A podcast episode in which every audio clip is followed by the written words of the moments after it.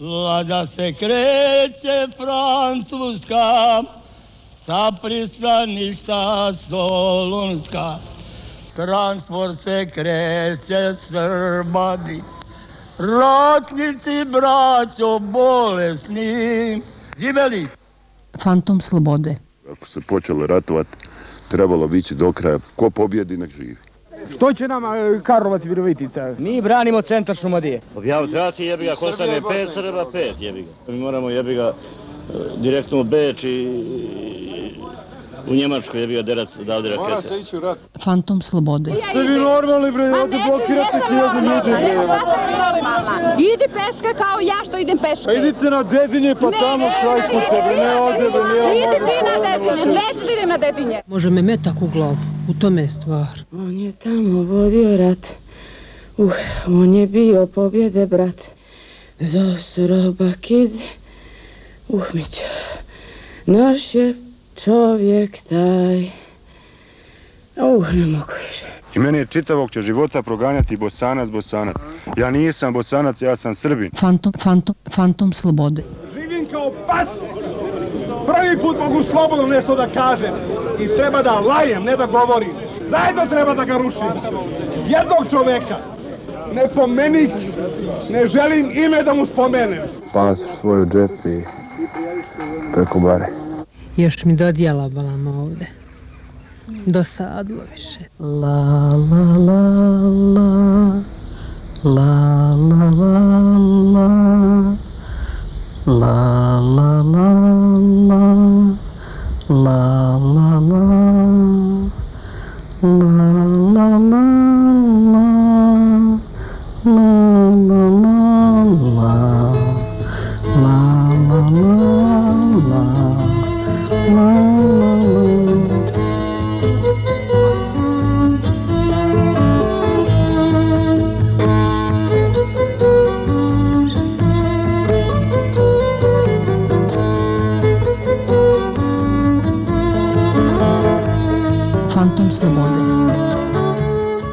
10 sati je i 15 minuta, ovo je B92 emisija Fantom slobode. A mi smo ove nedelje bile u Pančevu, lep grad, varoš. Tamo smo stigli taman u vreme kada Pančevke u čas prvih prolećnih dana peru prozore i timare zgrade magistrata. U Pančevu svuda puno starih fotografija, ne znam da li se vi sećate fotografije kneza Mihajla Obrenovića iz polovine 19. veka. Na toj slici budući knez sedi onako zelenog, nalakćen i zagledan prema izvoru svetlosti. Sedeti u zemlji Srbiji tog vremena s glavom oslanjenom na šaku, razmišljati, možda sanjati, moglo se samo princu. Ta fotografija kneza Miloša, odnosno čestitoga kneza, je valjda prva slika dokumenta o jednom Srbinu koji sedi, miruje i misli bez žurbe, skoro dekadentno. U to vreme preko reke Dunav u Pančevu bilo je sasvim drugačije, ali to je bila Austro-Ugarska.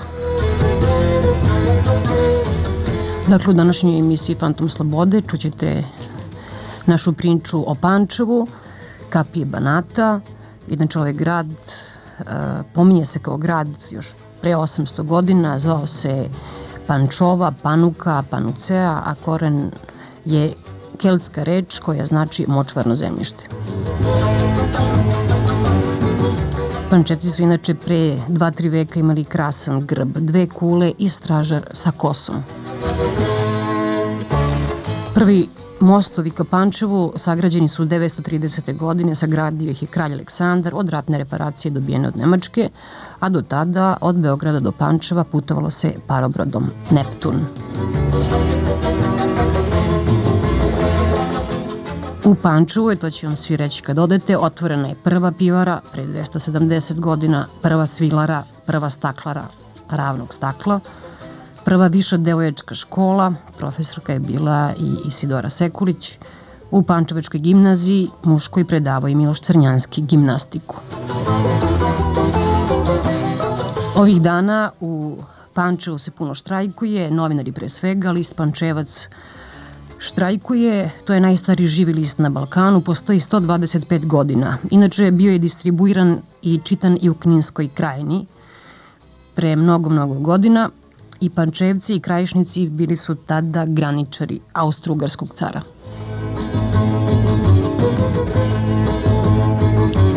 A danas Pančevo ima azotaru, rafineriju, petrohemijsku industriju, po broju dece obolele od astme prvi su Jugoslavi i u Evropi.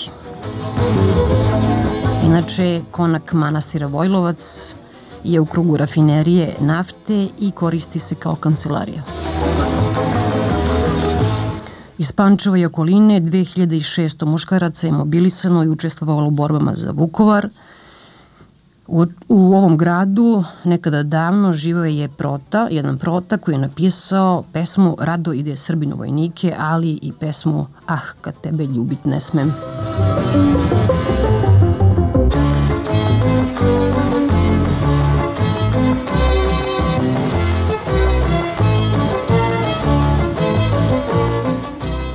I na kraju u Pančevu je po prvi put na Balkanu prevođen Voltaire, ali i Mačak u čizmama, Grof Monte Cristo, ali i manifest komunističke partije.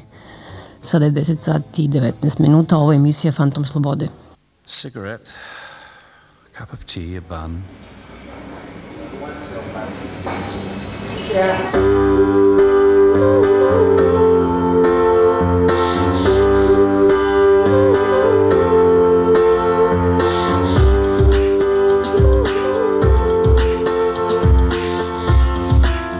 Fantom Slobode.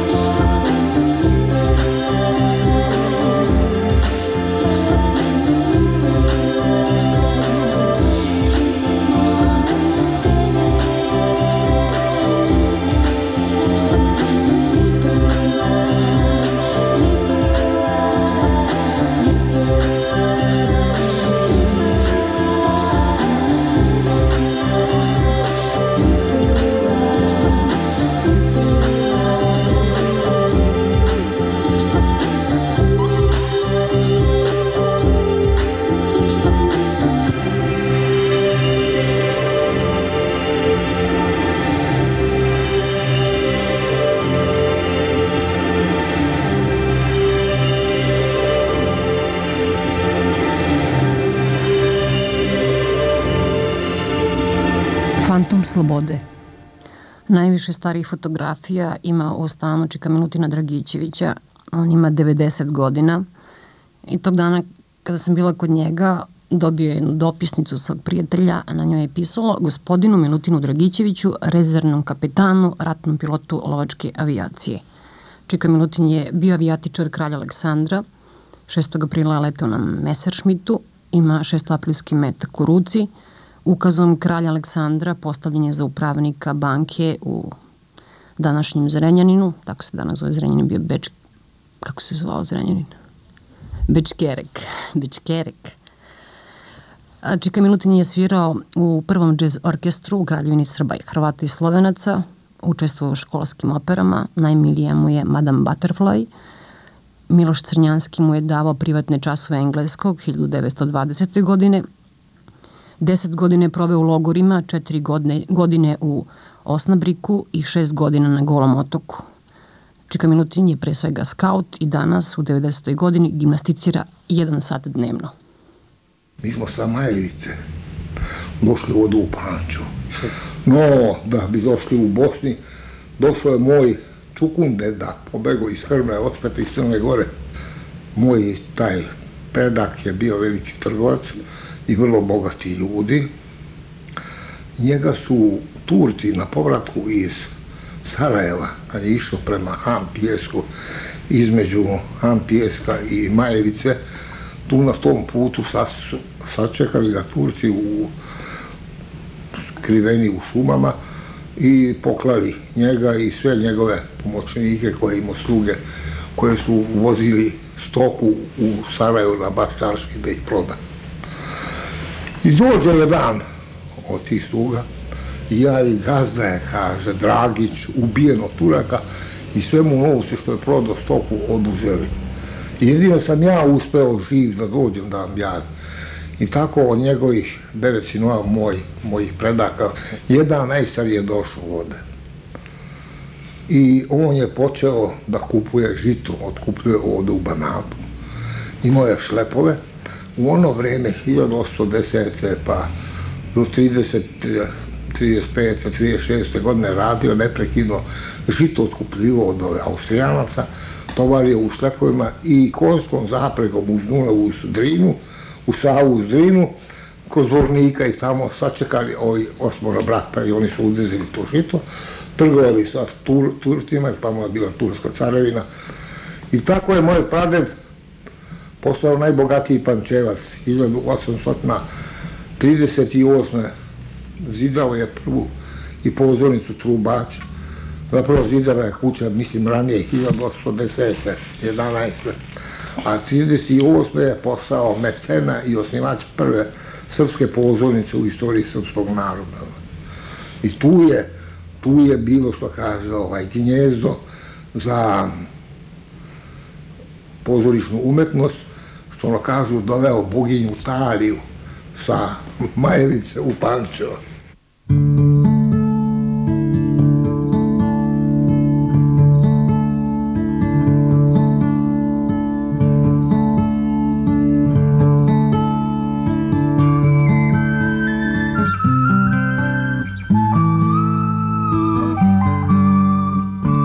Otac je došao iz logora, iz Mađarske, bio on u zatvoru sa dva moja starija brata. A ja sam opet plakao što ja ne idem u logor. Kaže, ne može ti još, nemaš deset godina, to je bilo 14. godina, 914. Kad su Srbe u marvenim vagonima tovarili i slali gore u Gornju Mađarsku, pošto se spremale ofanzive na osvajanje Srbije, da ne bi srpsko građanstvo, ovo koje tu bude, koje postoji, pomoglo Srbima u Srbiji.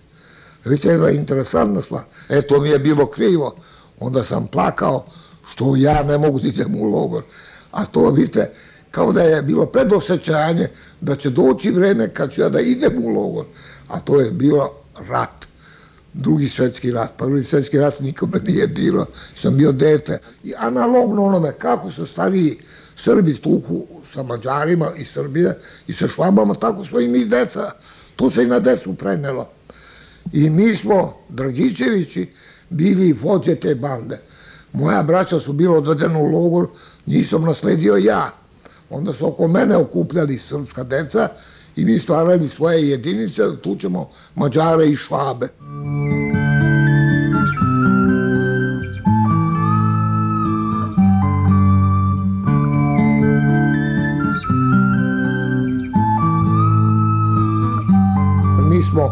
pevali srpske pesme kod kuće, u, u svojoj kući.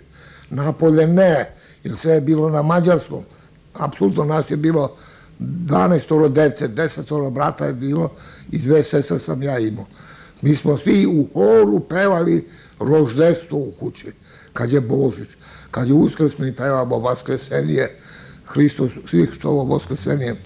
Pa onda kad je naša slava, mi pevamo o Đurđev danu, o našima. Iako sam ja ovaj, e, e, bio u Mađarskoj i pod Mađarima, pevali smo i mađarski pesme koje smo znali. I danas kad idem ovako u šetnju i kad pogledam željezničku stanicu ovu, setim se kako smo nekada išli, putovali pod Mađarima, pa onda pokojna mati je rukovodila s nama da pevamo i mađarski. Pa smo pevali, kaže, u pitanju, gospodine kapetane, šta ćemo da nosimo na službeni put? A ona odgovara, jedno pečeno pile i dva goluba, dragi kapetane. Niti synko zútra százados uram, egy csirkét, két galambot, kedves kapitány. Eto, to bi bilo, tu sam stao. No isto, kao i o mađarskoj ovaj, himni, jedan deo znam, na primjer, na, oni Isten áld meg a magyar jókedvel bőséggel. Nyújts felé a védőkard, egy túszon számot tud ellenezni.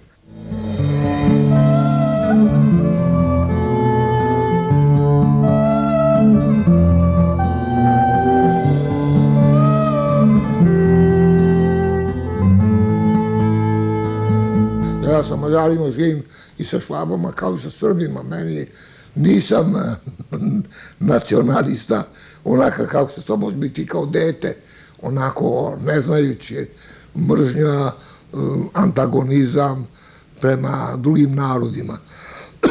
Sad sam baš vrlo dobar prijatelj i u bratu sam sa Nemcima i ovde vidjet ćete sliku, tu mi je jedan moj prijatelj koji je Nemac po narodnosti. I ja njemu sad kad pišem, čestitam mu uskrs, on je u Austriji. Pa kažu, izaću na katoličko groblje, e, očistit ću grob tvojih roditelja, doneću cveće i, i sveće upaliti i moliti se za Bogu na tvoju majku, za tvoga oca i za tvoga pokojnog brata koji je ostao ovde. I nemoj da brineš, tu sam ja kao skaut, mi održavamo reč, jedan drugom ćemo pomoći i ostajemo verni do kraja života. biti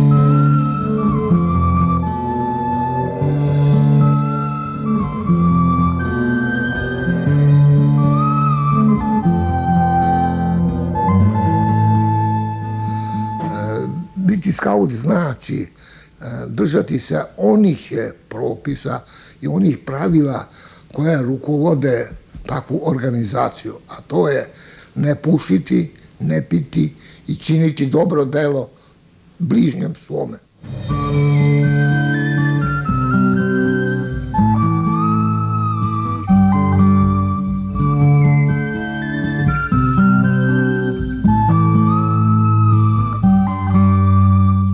Otac mi je naš doneo sve sprave što god su postojali, recimo danas u Partizanu ili u gimnastačkim dvoranima, to smo mi imali kod kuće.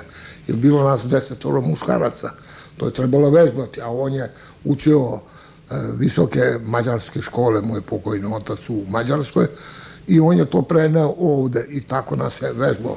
Preko zime, kad je najveća zima i kad je minus 30, mi smo do pojasa goli izlazili u sneg, vežbali se sa snegom, trljali i posle brzo u tople sobe i vodom se kupali. Ja i danas se sećam kako je naš pokojni otac uvek govorio e, latinski i kazivao nam je svako jutro quid quid agis prudenter agas et respice finem. Kaže, razmisli dobro, uči, radi da bi kraj bio dobar. Pa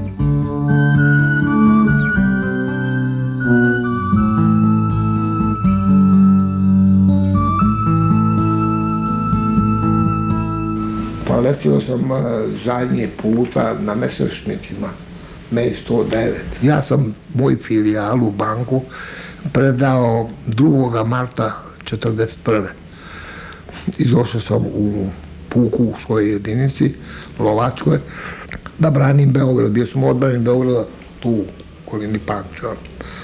I kad su dolazili Nemci, njih 2000 bombardera i lovaca, kad oni zagrme se na nebo na neki 6-7 km na severu, mi polete smo nas sedmorica.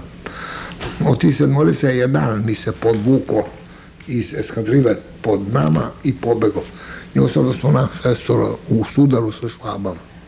I tu izgiboše moji svi. Sam ostao, ostao sam ja i još jedan kapetan Ivan Mirković. To je bio 6. april. E, kako je to bilo jadno. Znate, ne možete vi kad ih ima stotine i hiljada, nas dvoje, troje. to ali imam čas da sam pucao u švabe, da sam se tukao i da imam i danas, pokazujem ženi, pipni mi ruka, evo ga tu metak još od 41. Još mi stoji jedno crno, sa leđa mi se preselilo u ruku. Znate. To tada u toj borbi, jel? Da. Ej, vama su, na kažem vi da ste imali čas da pipnete metak iz 6. aprila 41. Sredite slobodno. Pipnite rukom tu u aticu. Jo, da.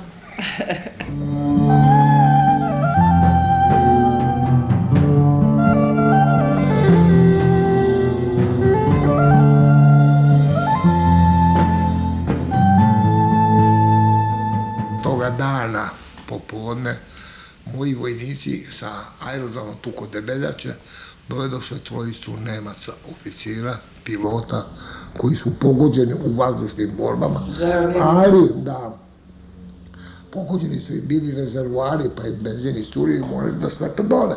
I šta biva? Biva to da ja dobijem tu trojicu, da ih ja sprovedem, to je 6. april, bio rekao 40 danas, i sutra ću ja njim. 7. april. A 7. aprila opet pljušte bombe, opet lete bombarderi. Beograd gori, Beograd je bio crn. Kako? Tu nemamo ništa tako crno. Evo ovako je bilo crn Beograd. I ja sa mojim malim kamionetom i tri vojnika, mojih mehaničara, ajmo da sprovedemo, da, da pronađemo gde je vrhovna komanda u Beograd. Beograd gori, gori plamen mrtvi po ulicama koliko hoćete, leševa, radnje izletele, sve što je bilo urađeno, to sve proliveno po ulicama. Koga da pitam, došao ja do, do generala štaba, to je u Miloša velikog ulica, znate, se dole silazi, tu na uglu, i danas je tu general štab. Ja vidim tamo vojnika, ali zgrada gori, sve gori. Izađem ja iz kamionata, čekaj, rekao da pitam ja, gde se nalazi sad vrhovna komanda, bre, u ovom dimu, ne može se snađeš. Kaže, nema ih, oni su čak pod Avalom u selo Jajincima, tamo ima bunkera i u bunkerima je vrhovna komanda. I ja zaista, ja sam znao kako se ide do Avali, tako. I dođemo mi tamo, kad smo mi upali u bunker, ja sa mojim švamama i vojnici spuškamo na gotov, kad je onaj potpukovnik, neki Franja Pirc, Slovenac, on je bio načelnik tamo za prijem ratnih zarobljenika. Kad vidi, kaže, o, Boga im švapskog, daj im rekao da ih streljamo. Rekao, izvinite, gospod potpukovniče, to su ratni zarobljenici. Vi znate dobro da član 4 ženamskog ugovora kako treba se postupa sa ratnim zarobljenicima, to su ljudi. Rekao, Boga mu daj, vidi šta je sa Beogradom. Rekao, ne, to je rat. Molim, dajte vi meni potvrdu da sam ja predao vrhovnoj komande, a vi ispitujte odakle oni doleću. To je osnovno preko ovde da se radi.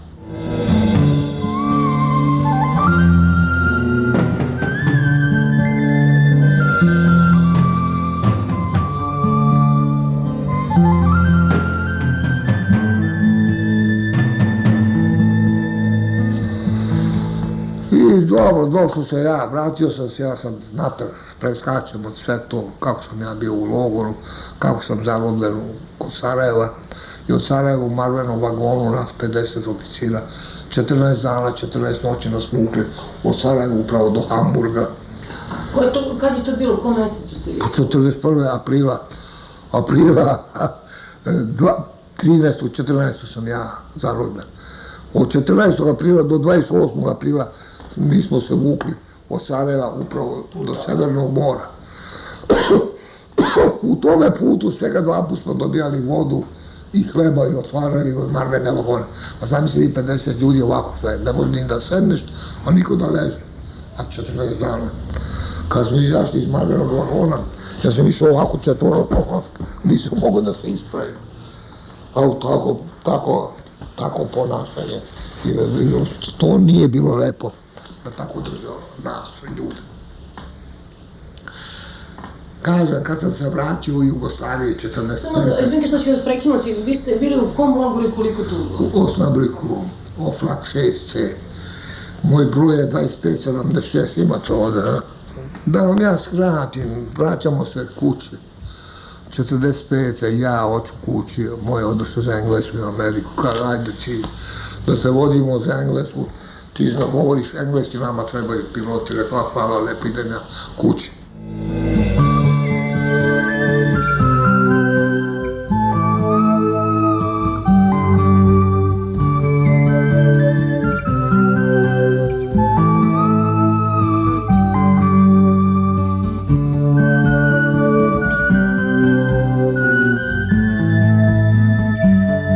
Tamo na Svetom grgu, tamo čujemo viču, ja, one ćemo da ubijemo, ubijemo, ubijemo, izdajnici i tako dalje.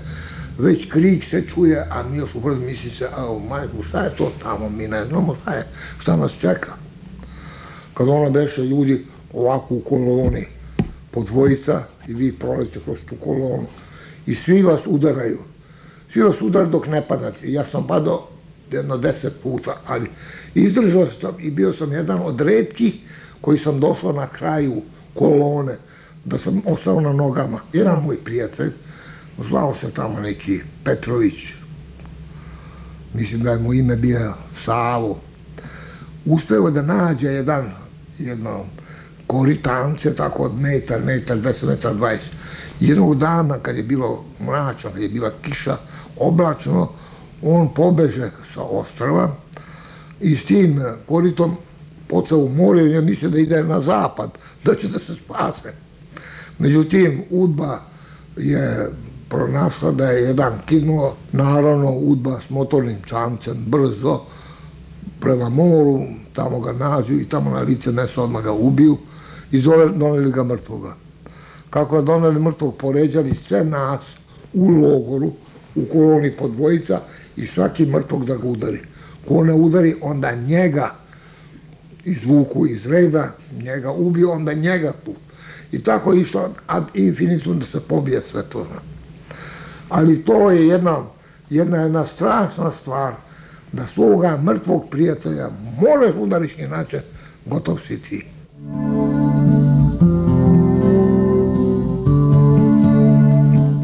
Deset godina ste vi proveli u logu. Deset godina sam prošao.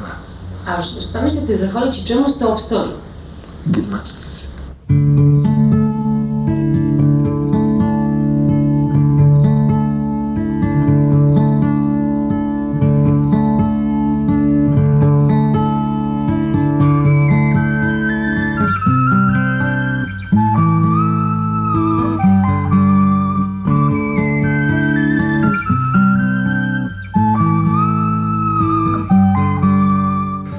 I onda imao sam strica, jedan od eh, mojih je živeo u Beogradu, Srbiji. I on dolazi godišnje, može biti jedan put, dva puta prelazi iz Srbije, pošto tu bila granica, trebao je pasoš i tako. I dolazi on i on nam donosio ovaj Četenharde i njegovu violinu. Svirao je divnu violinu. I on dođe kod nas ujutru rano, kad je recimo šest sati, kako je stigao brod iz Srbije, kako uđe kod nas u sobi, naša soba je bila ko kasarna velika, to muškarci, sa muškarci devojka u drugoj sobi, i on dođe kod nas, ej, bre, Srbi pančevci, šta vi spavate, pa uvati violinu, pa zapevao e, onu pesmu, Pančevačke. Pančevačke frajnice nosi duše šire. A mati im na pijac prodaju krompire. A mi iskočimo, a došlo nam naš čika sela. Diži se iz kreveta svi i onako u pidžamama, naravno sobe su bile tople, ovo je bilo zimsko doba, uhvatimo se u koli, igramo kola, on nam svira. Prvi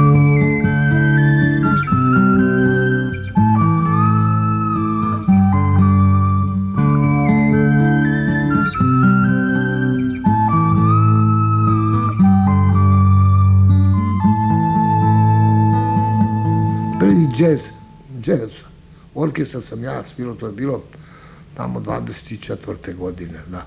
Pošto kod kuće svi vaspitani muzički, svi smo svirali violine, a devojke se sve u klaviru. Tako da smo mi imali naš orkestar. Kod nas se u kući stalno sviralo. A nije bilo dana ili noći kad nismo davali serenade. Naravno, uz odobrenje policije u ono vreme, platite taksu koliko košta tu noćno uznemiravanje i dobijete dozvolu pismenu i onda možete ići u grad, inače policija kruži i vidi ako je deca, momci, đaci, odmah pohapsi, ne može. Profesori naši i učitelji su hodali od 7 sati uveče, ne može niko na ulicu da bude. Ovo što se danas odigrava, ovo je grozno. Ja kažem, želi, idem kod moje gimnazije, da sam izletao, pa gledam šta se radi. A ovo, rekao, kako se ovo vaspitava. Kako ljudi idu u gomilama, kako ne idu dva i dva, već idu po 10, 20 ovako, opkole ceo teren, ne može da prođete od njih, znate. I drugo, silaze u ovim kafićima, svi kafići su oko škole sada izgrađeni i to vlast kao da ne vidi. Drugo, nema profesora, nema uče ko da pazi kako se ulazi. Mi kad dolazimo u školu idemo po dvojica, naš, naš profesor stoji kod kapije i mi kad dođemo moramo da skinemo kape, mi smo imali svi kape, mi smo imali svi uniforme. Ja sam morao biti stvarno smašno, ne može da dođemo u školu bez mašta.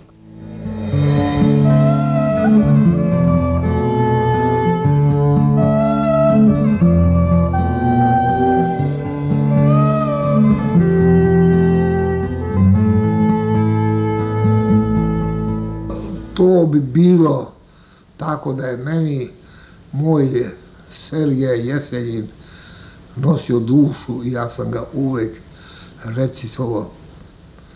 Kaže, sve što živi, neki ožiljak nosi belegu detinstva ili nezarasto čir. Da nisam... Nemoj da mi šapu se znam. Da nisam pesnik, među pesnicima, ja bih bio lopov ili žbir. Slab, malen, s nerazvijenim grudima, bio sam uvek junak. Među decom tukao sam se, vraćao sam se kući pred sami mrak, s krvavim nosem u usnama, cedio sam kroz krv reći, detijaste, može ništa majko, spotako se samo o kamen, a sutra sve će da zaraste.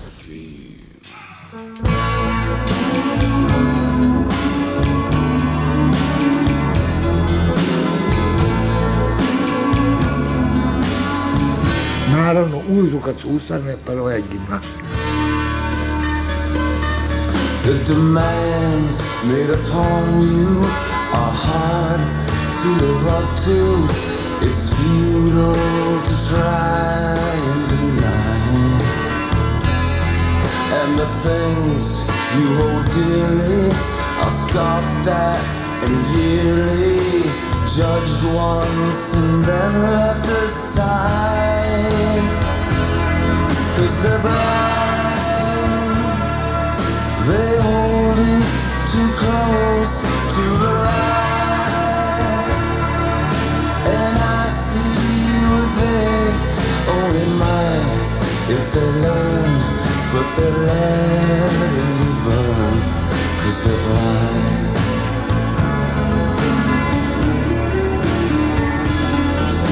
Brown-eyed beholder sees a chip on your shoulder that fools everyone to believe that you're so hard to talk to and so easy to read through Yet nobody looks past your sleep.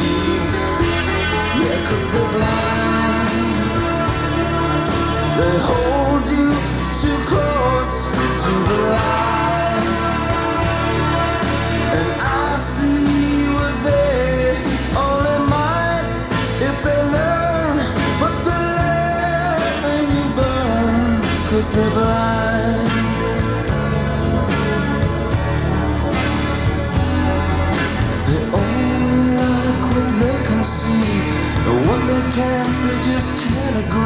If you run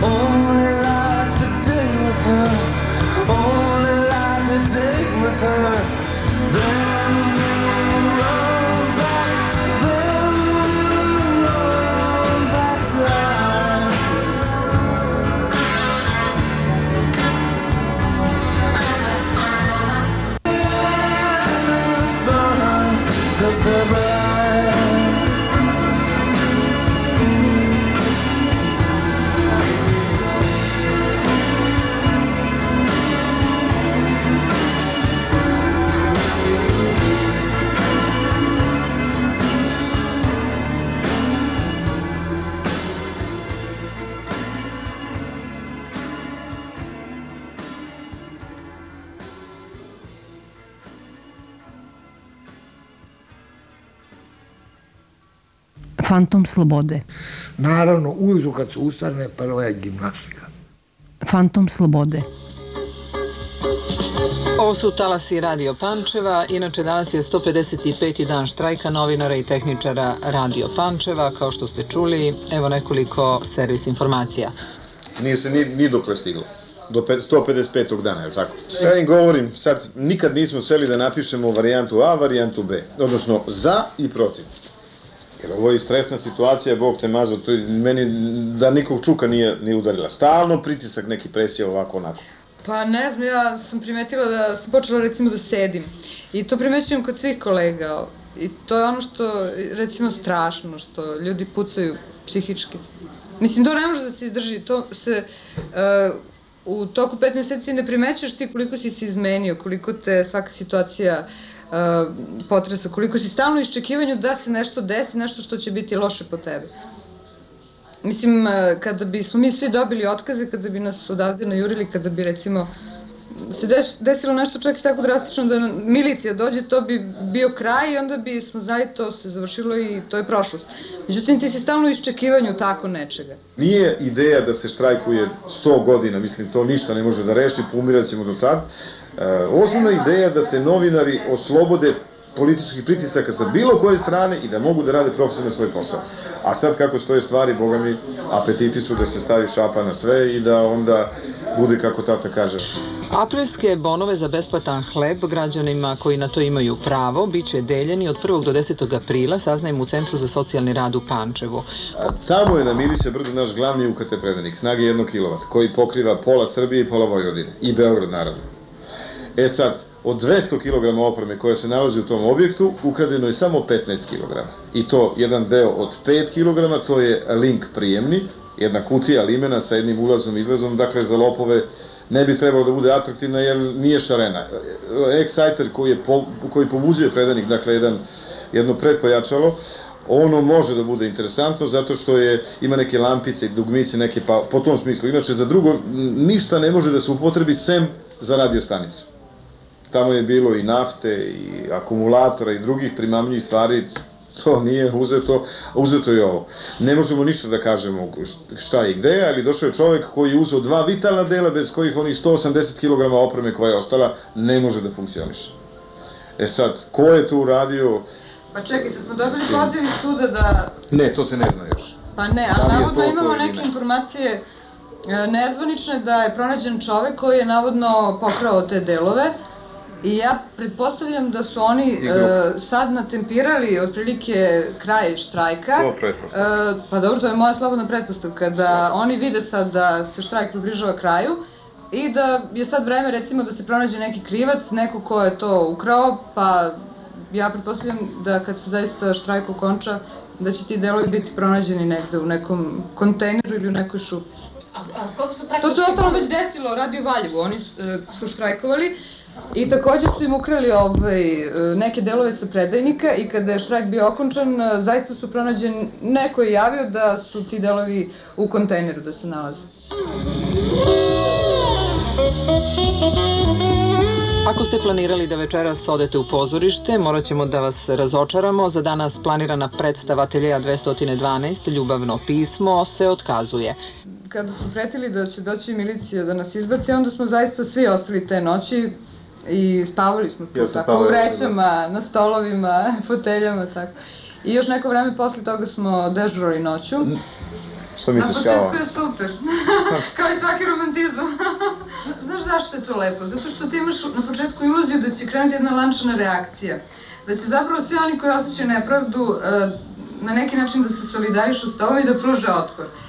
Naravno, to se ne desi, to se u principu nikad ne desi i onda kad ta iluzija prođe, onda Ne, ti shvatiš ja, ja tih gde iluzija, si. ja nisam imao tih iluzija, mislim. Pa ja uvijek imam tu iluziju. To je to. Do kraja meseca u Centru za kulturu predviđene su i dve promocije knjiga. 26. marta u 19 časova biće predstavljena knjiga Srbi kao ptice autora Sime Brdara, a 29. marta je promocija knjige Obretenje autora Jovana Zivlaka. Više osjećam napušteno od, recimo, Beograda, jer svi slučajevi slični u Beogradu koji su se desili brzo su rešeni. A ovo je nekako, valjda se doživljava kao neku provinciju i to se dešava tamo negde i to nije bitno. Ja mislim da oni ne shvataju koliko je ovo u stvari bitno, koliko je važno, koliko se i ovde neke stvari mogu sačuvati. Eto toliko što se servis informacija tiče za danas. Ovo je program Radio Pančeva.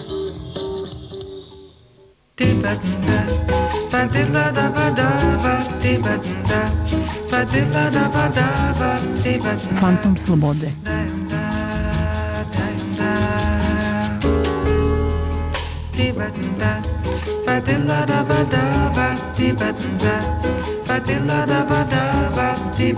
Ostalo je zabeleženo da su Beograđani subotom i nedeljom dolazili parobrodom koji se zvao Neptun iz Beograda u Pančevo na Vajfertovo pivo i slane perece u čuvenu Vajfertovu pivaru.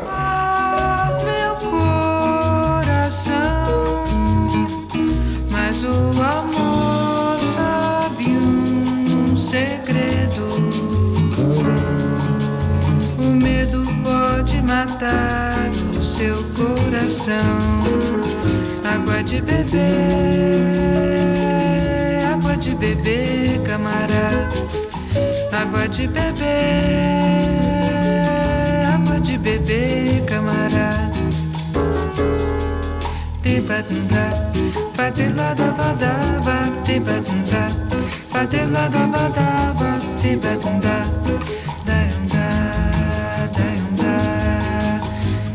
Entrei pra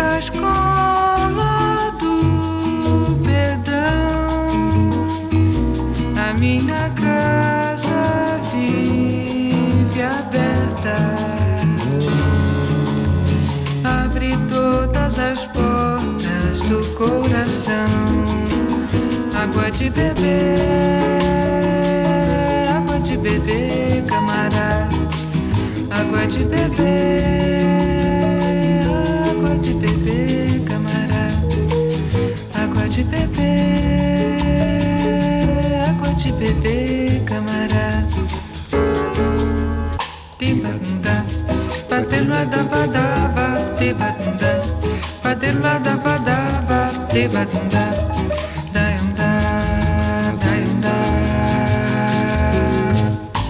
Fantom slobode. U Pančevu živi i Dragan Veselinov po profesiji ekonomista, odnosno profesor ekonomije, predsednik je Narodne seljačke stranke. Za njega je na prošlim izborima glasalo 35 do 40 hiljada Vojvođana. Uh, nosio je, odnosno zalepili su mu etiketu autonomaša dosta davno, teško je se oslobodio. Poslednji put smo ga videli u političkom životu Srbije onim dramatičnim trenucima kada su Vuk i Danica Drašković bili uhapšeni, a hiljade ljudi kod Karadžođevog spomenika očekivalo da im Draga Veselinov kaže šta da čine. On je posle četiri godine bavljanja politikom odlučio da se povuče i sada piše novu knjigu iz ekonomije. U Vojvodini smatraju Vojvođanem, autonomašom, a u Srbiji me smatraju Srbijancem ili prosto čovekom Srbije, znaš.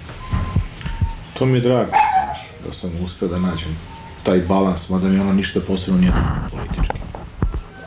Donosi jedno poštovanje, to je sve. Nikakav poseban uticaj. Ako sam imao uticaj, imao sam na jedan broj ljudi u Beogradu. Na jedan, na jedan uži krug političara koji su nešto značili danas znači. Na njih sam imao uticaja.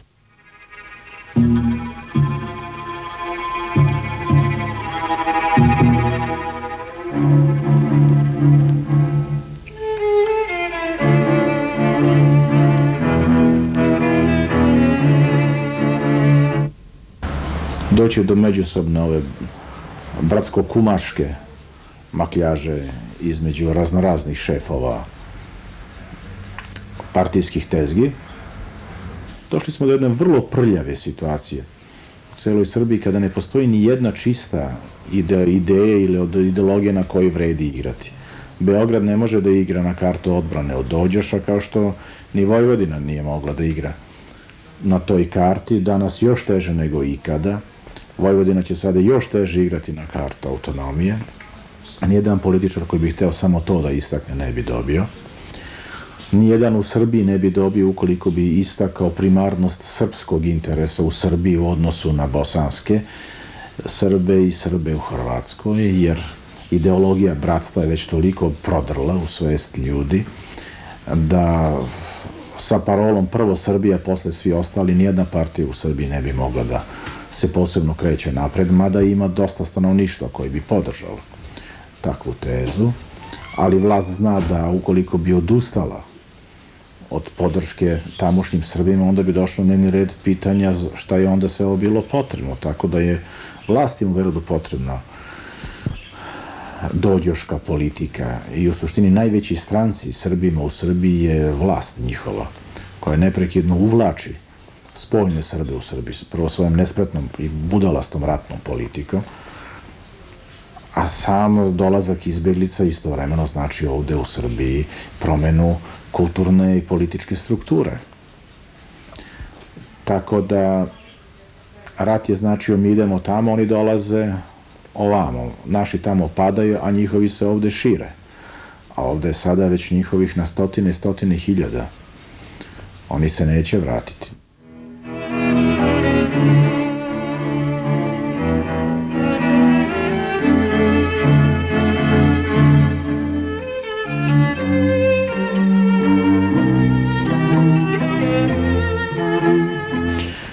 Mislim da su mnogi od nas postali ljudima dosadnima koliko tu i tamo možemo ponekad razumnu rečenicu da izgovorimo. Vreme je za... Meni je bar dosadno. Ja imam utisak da je u ovih četiri godina potrošen nacionalizam kao ideja, potrošeni nacionalistički političari kao vođe, potrošen i taj degenerativni rečnik, ljudima je to postalo jezivo dosadno, odvratno, a ne vidim opet na vidiku nijednu, dakle, jasnu ideju na kojoj bi mogla da igra bilo koja nova partija.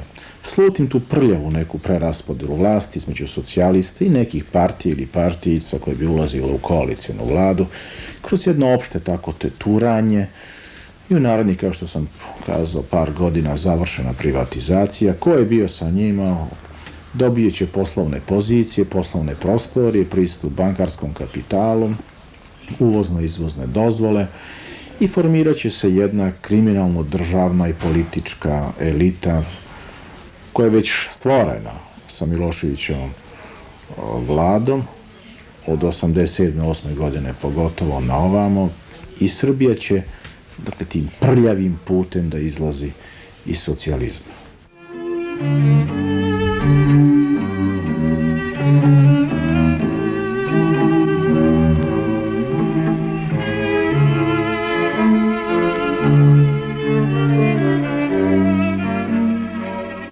Ja sam pretpostavljam, pomogao mnogima da održe veru u ta načela, u te principe i u te ciljeve, da je hleb iznad krvi. I to mi je dovoljno. Naučio sam, pretpostavljam, mnoge da nisu pravi problem Srba granice na terenu, već granice u glavi. I da nose velika ograničenja iz prošlosti, kulturni primitivizam, veliko neznanje, vulgarnu obraženost i da su to pravi problemi Srba. Naučio sam, pretpostavljam, neke oko sebe, da Srbi u stvari nisu hrabri. Znači, to je jedan polukukavički narod. Jer to je narod koji odbija da se suoči sa istinom. Da ima za vođu primitivnog batinaša i da je nespreman da izađe iz komunističke zajednice.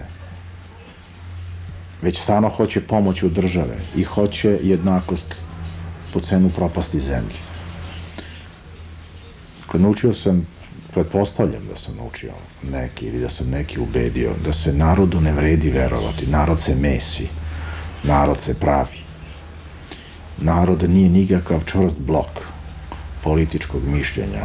On je iznutra razbijen i on se pravi. U njega se ubacuje kvasac.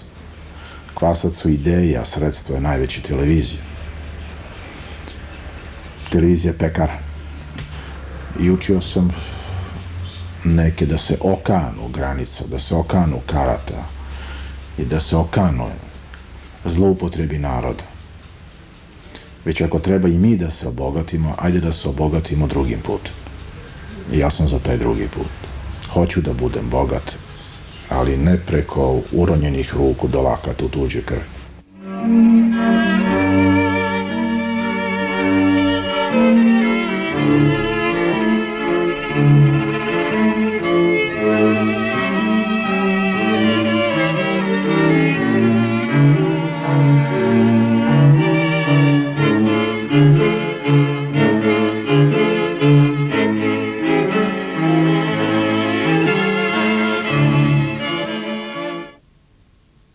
Bila prava radost vidjeti toliko ljudi koji hoće da na pokret vaše ruke krenu, da ih pošaljete. I tada istovremeno znate da kad se popnete na breg i pokažete rukom i bude li prstom ukazano na pogrešan cilj, sutra će vas ti ljudi zgaziti. Zato nikada ne treba popuštati pred ljudima. Nikada ne treba se naslađivati njihovim usklicima zadovoljstva. Treba to uzeti kao poštovanje, a nikako kao talas koji treba da vas nosi. Nekoliko puta sam recimo Vuku govorio, ti uživaš kad ti viču. Ja ti kažem da je mnogo bolje kada ćute, kad si završio rečenicu i posle četvrte sekunde počnu da ti tapšu. Znaj da si tada mnogo jači među njima. Neko besomušno se deru bando crvena. To nije ništa.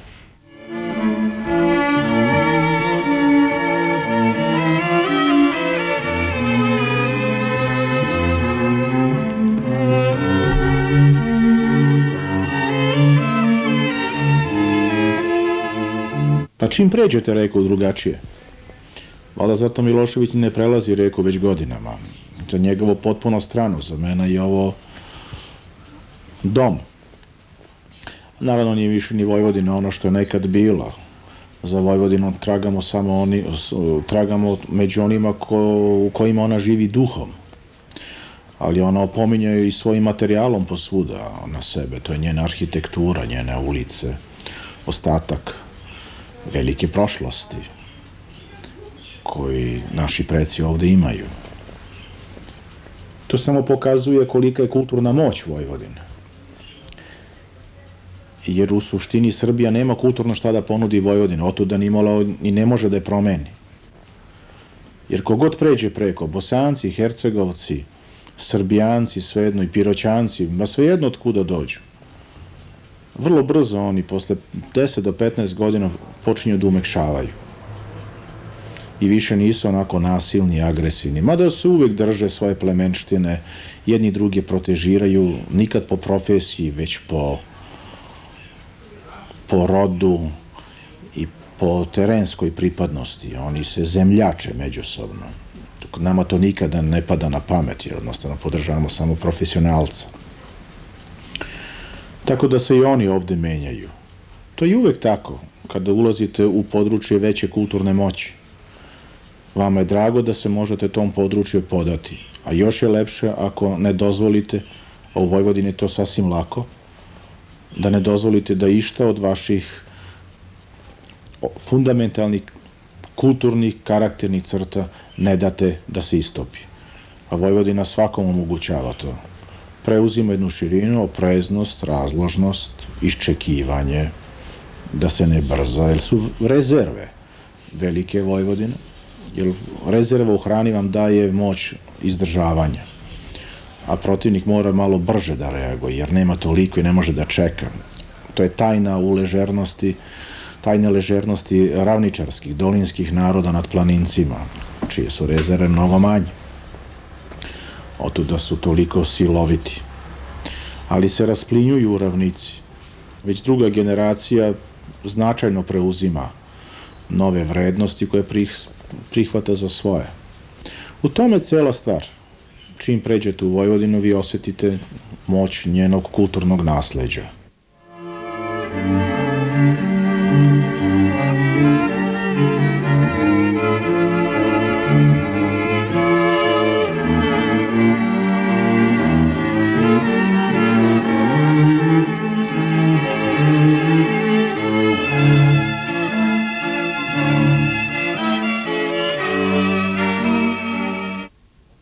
Ovde neće biti na kraju.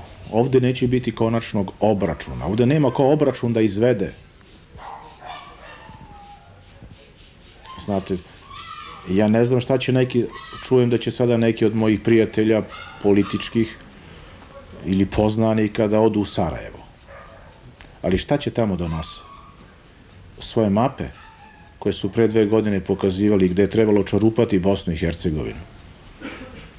Hoće tu mapu da ponovo odnesu tamo ili će govoriti, e ja sam od uvek govorio da je ovako trebalo da bude, što nije tačno. Ili ovako je trebalo da bude, ali bez rata. A kako je moglo da bude ovako bez rata? Samo rat može da donese ovu divljačko cepanje. Ovu mržnju i zlodela.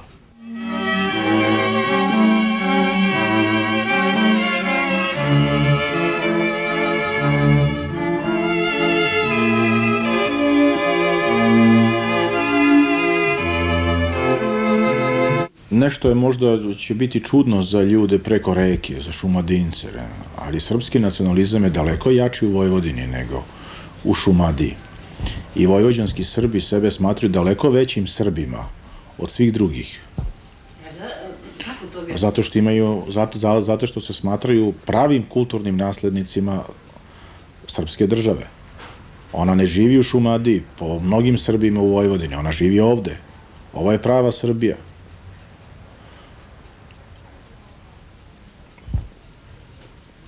Nošnja Srbijanica Efes, oni su se poturčili. Oni igraju kolo, tri napred, dva nazad. To nisu slovenske igre. Oni sviraju instrumente koji nisu slovenski.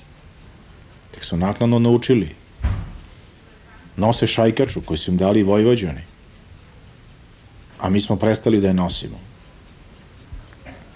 Tako da je srpski nacionalizam i srpstvo u Vojvodini od uvek bilo veoma snažno. I samo je malo falilo da se nacionalizmom to dalje podstakne, nacionalizmom kao državnom politikom. I sa zadovoljstvom su mnogi vojvođani uprkos istorijskog iskustva da u Vojvodini možemo živeti zajedno samo na načelima nacionalne tolerancije. To da, ali izvan Vojvodine to za njih ne važi. Druge ćemo naučiti pameti.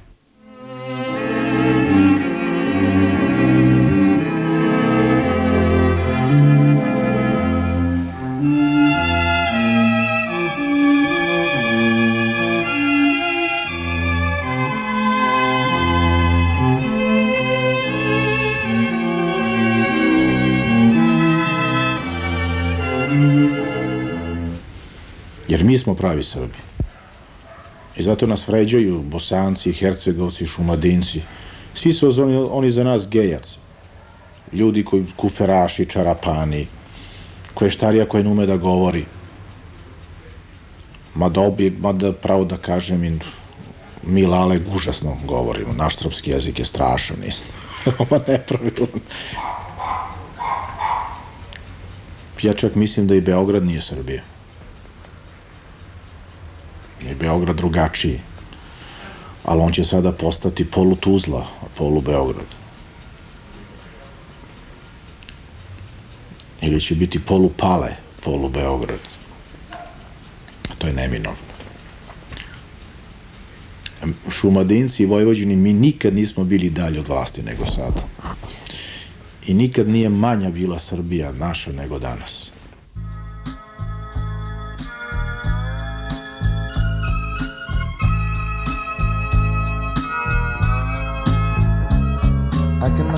Bear the sight of lipstick on the cigarettes there in the ashtray. Lying cold the way you left them, but at least your lips caressed them while you passed. Or the lip print on a half-filled cup of coffee that you poured and didn't drink. But at least you thought you wanted it. That's so much more than I can say for me. What a good year for the roses. Many blooms still linger there. But long could stand another mowing. Funny, I don't even care.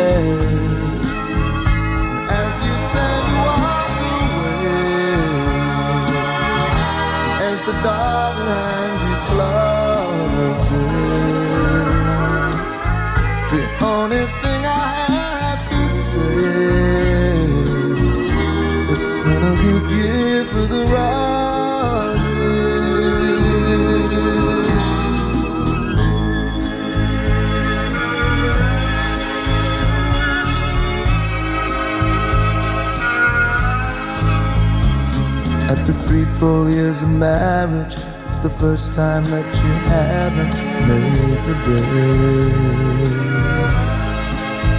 I guess the reason we're not talking, there's so little left to say you haven't said. While a million thoughts go racing through my mind, I find I haven't said a word. Bedroom, the familiar sound of one baby's crying goes unheard. But what a good year for the roses. Many blooms still linger there. Long could stand another moment.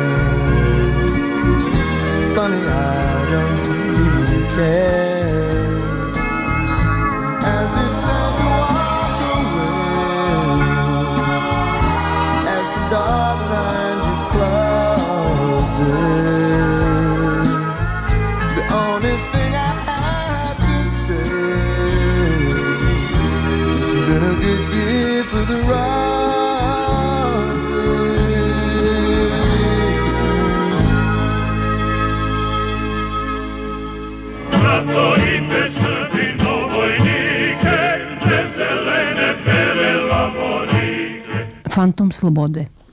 Gazašteva Igen. Živeo bogat paor u Bačkoj, u Sentomašu, po zvaničnom, u Srbobranu po njegovom. Sve mu je bilo potaman, salaš od 120 lanaca u komadu, velika kuća na pijaci, zdrava i radena čeljad, besni ajg- ajgiri u karucama. Gazdašteva već odavno sam ne radi zemlju, samo gospodari i raspoređuje, ali se ne da nagovoriti od sinova da se presvuče u gospodsko. Nosi se po seljački, leti mu na glavi šešir, na nogama papuče, zimi šubara i opanci. Nedeljom je tutor u crkvi, a svih sedam dana srbuje. Član je, a odnedavno i zadužbinar Matice Srpske. O Svetosavskoj besedi sedi u prvom redu sa najuglednijim ljudima sela i jedva je iščekao da mu najstariji unuk, dedin imenjak, doraste do škole i mal mu nije puklo srce od stra, dok se Stevica ne zabuni, dok je deklamovo ko udara tako pozno u dubini noćnog mira. Uradio je, jel je tako teo, ono što se inače ne radi. Zamenio je svoju slavu svetog Nikolu, kad pola sela slavi, za redkog sveca svetog Andriju prvozvanog, da ima više gostiju, a celo selo je znalo da je to i zato jer tu slavu slave Karađorđević. Jednom rečju Srbenda, svim dovoljan, svačim zadovoljan, samo mu strašno krivo što živi u tuđoj mađarskoj državi. Eh, kad bi Bog još dao da dođe Srbija, da se Sentomaš prozove Srbobran i da on, gazda Steva, vidi i dočeka srpskog kraja. Što molio, Boga domolio. Protutnjao veliki svetski polom, Srem Banat i Bačka, tu gazda Števa uvek obavezno doda tri srca junačka, proglasili ujedinjenje sa Srbijom i regent Aleksandar, prilikom posete Novom Sadu, obići će i najveće i najčuvenije Bačko selo. Dočekao ga za Števa i taj dan. Prvi put u životu vezo kravatnu i u počasnom špaliru stoji šesti po redu. Više bi do duše voleo da je došao stari kralj Petar, ali ko bi na današnji dan za Kero i Aleksandar je Karadžorđeva krv i naslednik srpske krune. Vidi ga za Stevan i krivo mu malo, što je regent u oficirskom nekako neugledan, mršav, ali ratnik je to iz tri rata sa tri carevine i velike on njemu do neba. Regent se pozdravlja redom kojim su postrojeni. Sa svakim se rukuje, a sa ponekim izmeni po koju reč. Gazda Stevan saće na njega red, još jednom i zdravo brzo obrisa maramicom suze radosnice, da Aleksandra što bolje vidi izbliza i utuvi mu svaku crtu. Jedva čuje predsednika opštine, koji ga predstavlja kao uglednog domaćina i naprednog zemljoradnika. Predstavljanstvenik steže ruku i kao da je malo zadržao. Oće li dati Bog da mu i neku reč uputi? Oće, nažalost. Ili dobro ponela letina ove godine, raspituje se budući kralj, zna on šta treba pitati seljaka. Da li ga sludi sreća, da li ga zbuni srbijanska reč letina, da li mu se to dugogodišnja mržnja na zlotvore Mađare osveti, tek Srbenda ne odgovori srpsko da, već kobno mađarsko igen. I tu se sruši nebo i zauvek potamne svet. Aleksandar produži dalje i samo on zna da li je čuo ili prečuo odgovor. Ali čuo ga je Srbovran i čuo je sam sebe gazda Steva. Srbobran ga je, Srbobran ga je otada prozvao Steva Igen, potajno naravno da ne čuje jer bi mogao ubiti, a kad je naskoro presvisno od muke, porodici je zauvek ostalo špicname i genovi. Ej,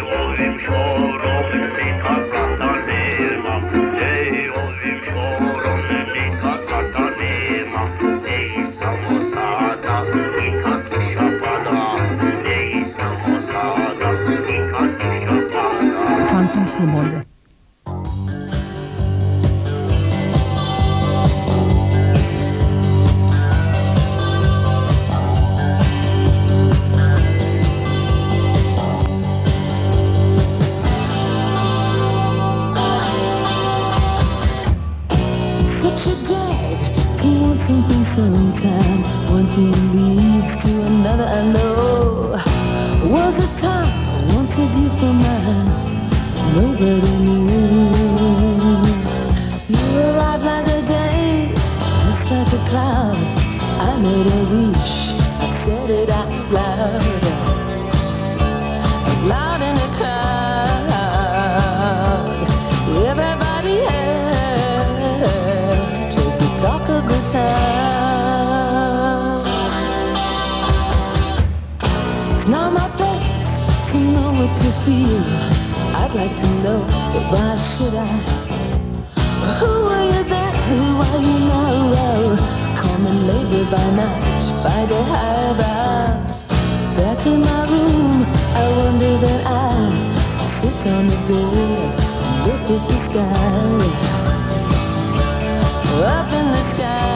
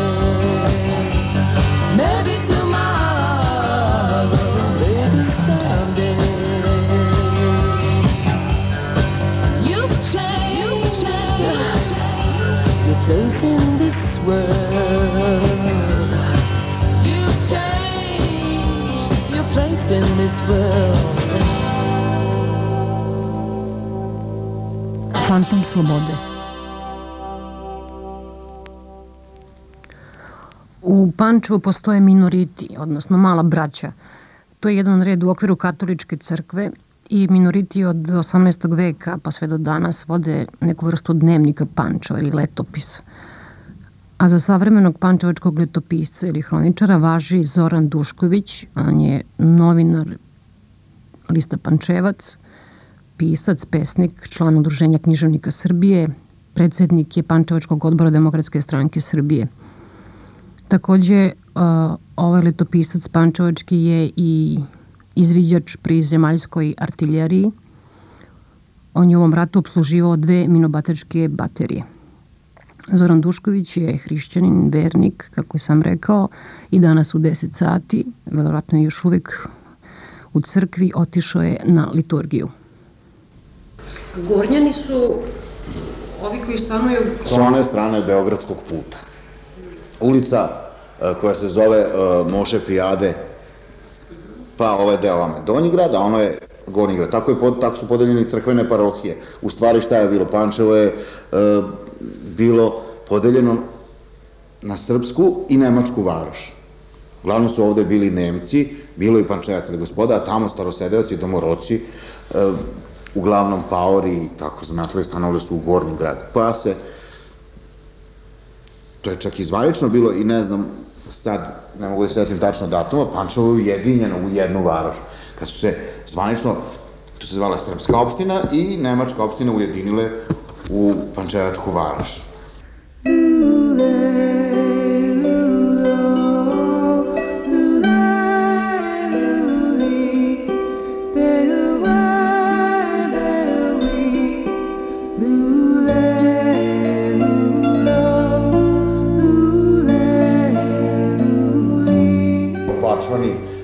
Govore bački, a mi govorimo banatski.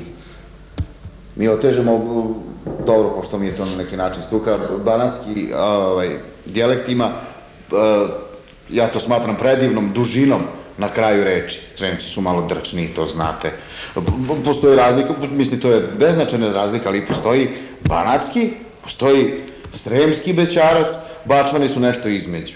A mi još imamo nešto, banaćani imaju takozvane šalajke, to, to se malo oteže, kad se to je produženi be, bećarac. E, jedino što ja zameram to je svima koji uh, nas poistovećuju, ne, ja, nema tu neke velike razlike, ali zovu i, bačvane i uh, zovu lalama, nisu oni lale, samo su banaćani lale, bačvani nisu lale, jer to, to imate, predivno je opisano u seobama, banaćani su jer je ovde bila vojna granica, tako taj, postoje ovde bilo sedište e, nemačko-banatske regimente, ona u Zrenju se zvala e, srpsko-nemačka regimenta i tako dalje.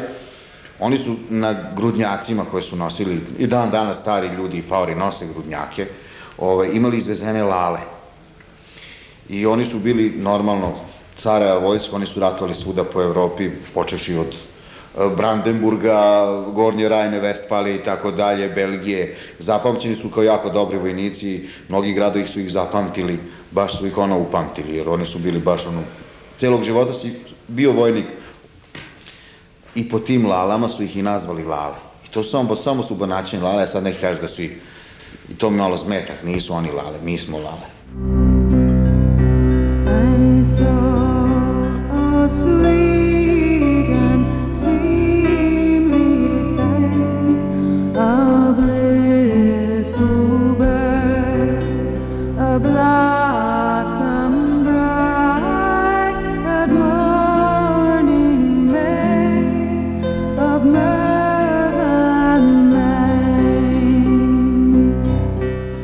vole konje.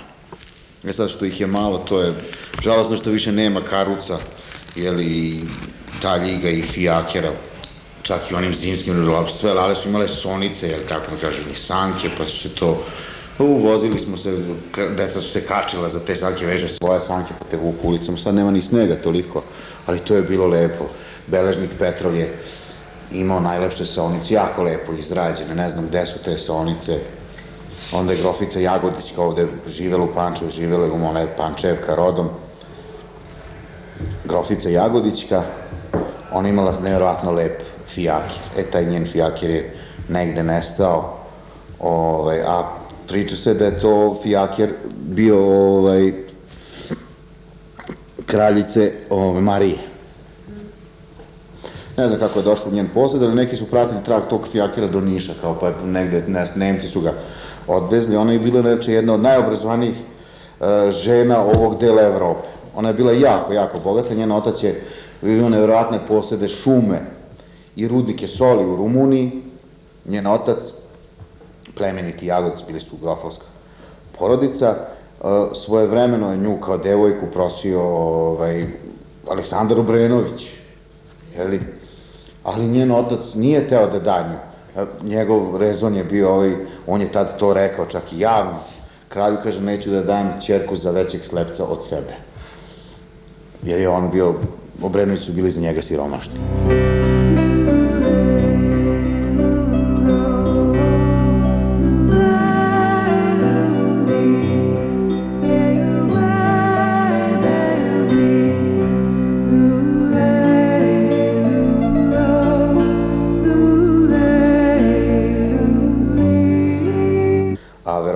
Najlepše redove i mm, najlepšu stvar o Pančevu napisao Miloš Crnjanski. To je e, iz njegove zbirke priče i pripovedaka Sveta Vojvodina, u stvari priče o muškom, kako ko zove tu zbirku. Inače, glavna ličnost te priče je njegov e, deda po majici, Miloš Crnjanskog, počinje ovako, gospodar Pantelija Popić, zvani Tutalo, spustio je pet grumena šećera u kavu. On je bio sam u sobi namrgođen carski činovnik. To carski izgovaralo se tiho, a činovnik glasno, vrlo glasno. Po lancima pred magistratom skakutali su i ljubili se vrapci. On ih je nerado slušao. Rado su ih slušali samo zatvorenici po podrumima donji. Bilo je to jednog kišnog jutra pred proleće u jednom gradiću u Banatu. Bilo je vreme ljubičica. Amazing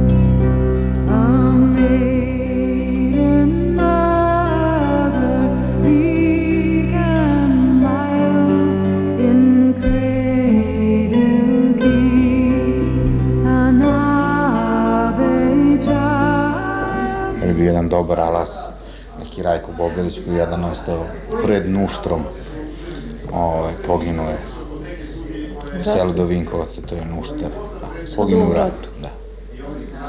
Puno ljudi odavde išlo u rat. Jeste.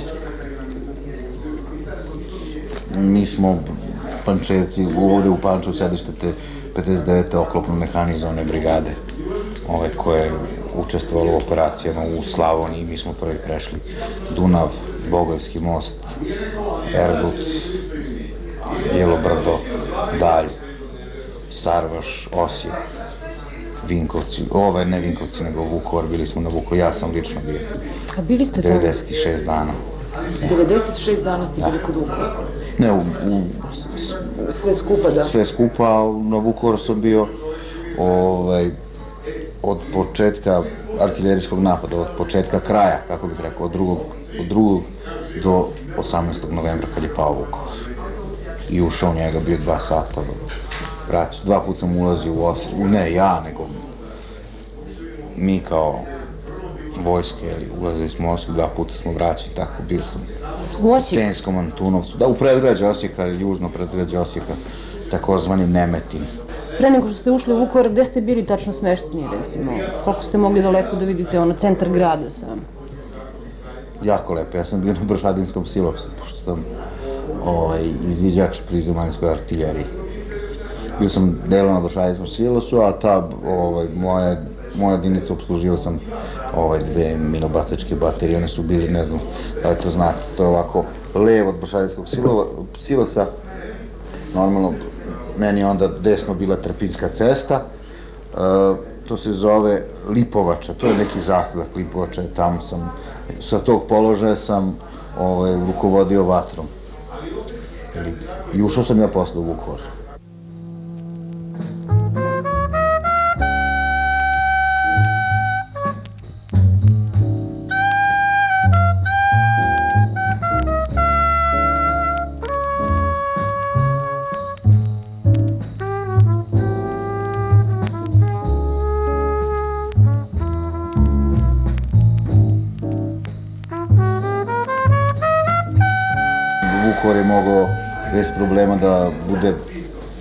rešen mnogo ranije.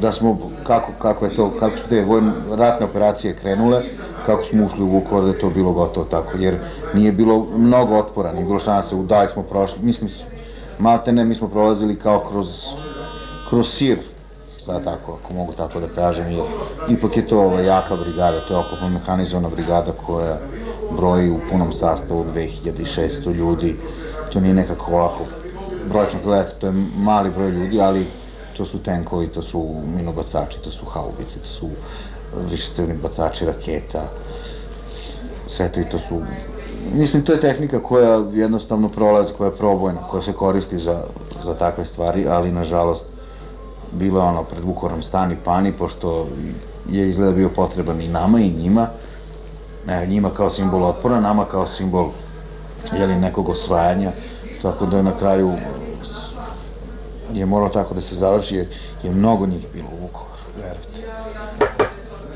Ja nisam mirovnjak, mislim, daleko od toga, evo rekao sam da sam u DSS-u, nisam ni ovaj,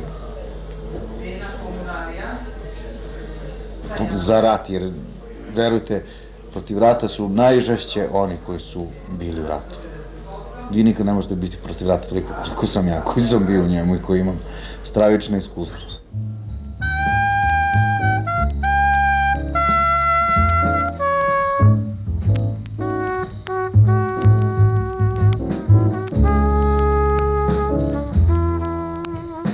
Ali mi je žao što ste bili u tom ratu. kako bih rekao, žao. Ne znam, čovek, ovaj, ne treba da... Ne znam šta ima pravo da žali u životu od, od onog... Ima pravo da žali za onim što je bilo na njemu da odluči.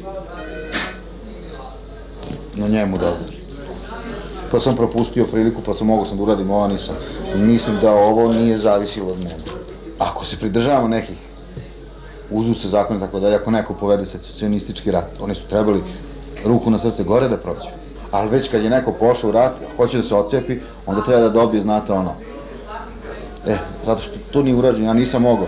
Ja ako sam, mnogi su se, ja nikad nisam ni bio komunista i mislim vernik sam, hrišćan sam, nije, nije to sve važno, ali sam mislio, ja drugu otačbinu sem, to, to, imao sam uži zavičaj, jeli, Srbiju, Pančevo i tako dalje, a to je bila moja otačbina. Ja jednom kad sam bio davno vojci, sam tamo potpisao jednom da ću to, ako se desi, da to radim. A na, na neki način sam mislio da sam dužan to, znate kako kaže jedna poslovica, otačbina nikom ne duguje ništa, ali isto tako nikom ne ostaje dužno. E, ja sam možda pošto to, otišao sam, Da li je to bio pravedan rat? Da li je bio potrebno, to neću da ulazim. Otišao sam i ono što je bilo na meni, ja sam uradio.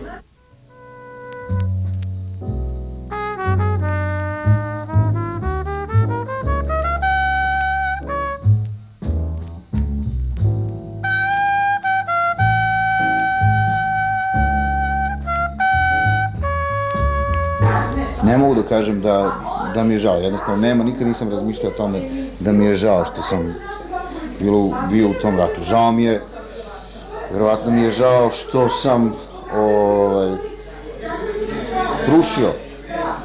Ja sam, jeli, između ostalog rukovodio tom artiljerijskom ratom, rušio sam i, i Vukova, rušio sam i deo Osijeka, rušio sam i Tenski Antunovac, tako dalje, žao mi ja, verovatno ne znam koliko sam ljudi ubio ili koliko je ljudi poginulo tih granati, te artiljerske vatre kojom sam ja rukovodio. To mi je jedino žao što sam nekoga, ali ja sam to u sebi iz, izmirio, ja imam zdrav odnos prema sebi, prema, prema svetu, prema nekom, pogotovo što mi u tome pomaže, što sam ovaj, bez preuveličanja ili patetike vernik znate. Ali, Bog zna sve, ja se nadam da će imati razumevanje za moja, ja, ono što je do mene, ja sam ovaj, spreman da, da u tome učestvujem, znate kako to, to ostaje dok je čovjek živ. Znate, postoji jedna, to nije izmišljotina, to je priča, ja ali već kad pričamo moramo da, da pričamo ili ne možemo da, da lažemo bez ikakvih foliranja. Sad, došli smo do toga, ja svake nedelje između ostalog kad palim sveće za mrtve, ja, ja palim za te neke ljude koji sam možda ja pobio. Koji sam sigurno pobio.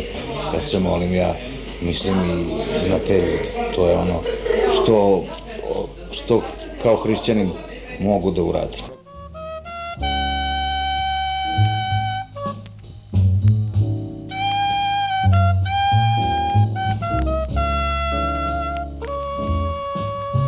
Me vidi cela Jugoslavija. Cijela je vlast. Ne lajem ja govorim istinu. Sram bi bilo nek dođu da vide šta su uradili. Nek vidi cela javnost i ceo svet neka vidi šta su uradili od ovog Vukovara, divnog grada, divnog mesta. Srbin sam i ne bežim od toga. Tu mi je, žena mi je Vukovarčanka. Tu sam 18 godina prvo. Najlepši grad u ovom delu, oni su ga uništili. Eh, srpska Sparta, grubi, tužni, nesvesno nežni šapućemo, sveti Florijan, bog vatrogasaca, nad zgarištem uspomena stražari. Na nešto me sjeća taj grad Tri kuće na trgu i zastave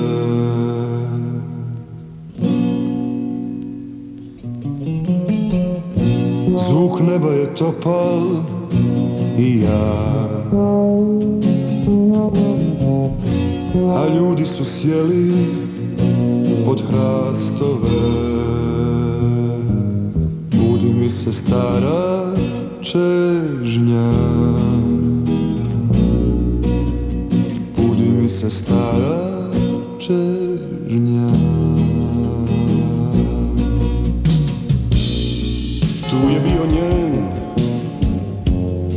visoki prozor Da ga ne gledam da ga ne gledam. Svoj strmi hod kroz sjene Birao sam sam A danas ugovor ističe. Budi mi se stara čežnja se stara čežnja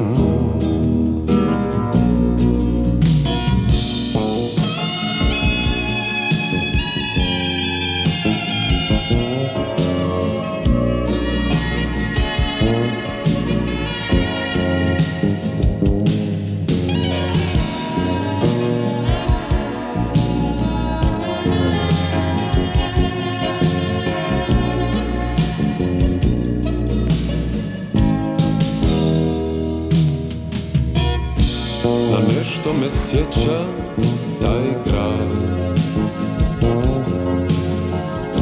Tri kuće na trgu i zastave. Zvuk neba je topal i jak.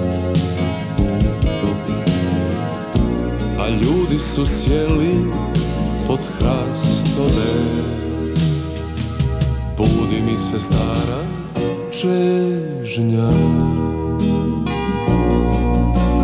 Budi mi se stara čežnja.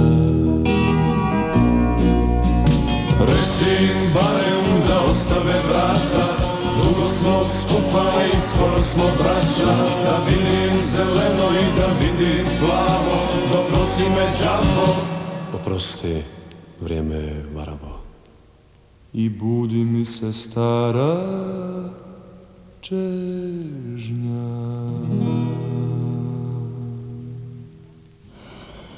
12 minuta je do 12 sati, odnosno 12 minuta je do podne. Uh, Čuli, čuli ste pančevačkog hroničara Zorana Duškovića, a sada reditelja Živojna Pavlovića. On će vam pričati o Vojvodini, pričat će vam o Srbima i vampirima, o sličnosti Srba i Meksikanaca, Meksikanaca i Albanaca, o brutalnosti naše narodne poezije, epske i o Vukovaru. Znate zašto ja ne verujem u tu veliku Srbiju? Ne znam zašto je nisu napravili 918.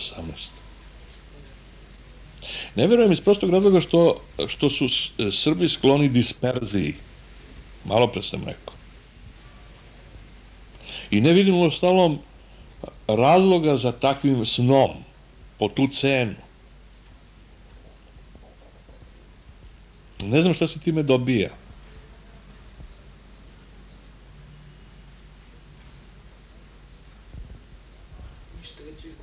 Plašim se, e, e, kad, e, kad ovo kažem, ja ne mislim iz ovog aspekta, iz, iz, iz srbijanskog, nego baš iz onog aspekta.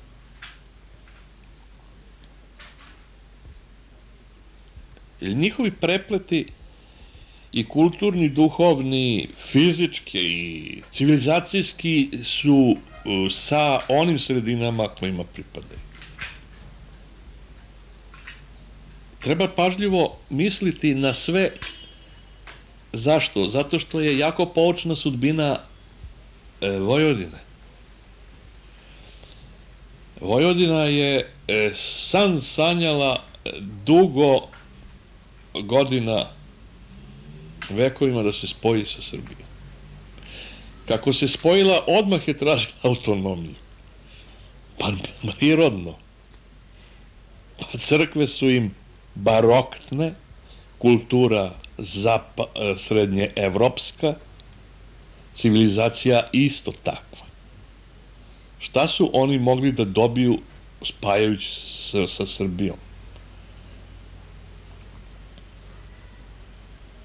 Osim zadovoljenje to neke po krvi.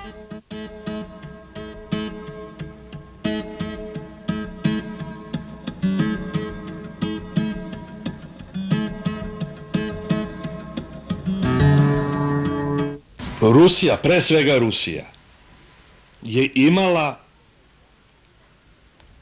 osnovu za veliku kulturu, specifičnu kulturu zasnovanu na čvrsto ukorenjenom pravoslavlju. Za razliku od Rusa, to mora se imati stalno na umu. Srbi, jer je o njima reč, nisu hrišćani. Oni jesu pravoslavci, ali su pagani. Mi imamo osobine mnogo bliže crnačkim plemenima. U Africi, negoli e, hrišćanskoj ideologiji, koja je samo u dekorativnom smislu prelivena kao nacionalno obeležje preko našeg paganstva. Trajnog i tako žilavog da i sve što je dobro, i sve što je izuzetno, i sve što je opojno, i sve što je zlo, razorno i kobno u našem mentalitetu proističe od, odatle. Nije slučajno da se samo po jednom jedinom pojmu Srbi znaju u svetu i ni po čemu drugom, a to je da je vampir srpska reč i srpska izmišljotina.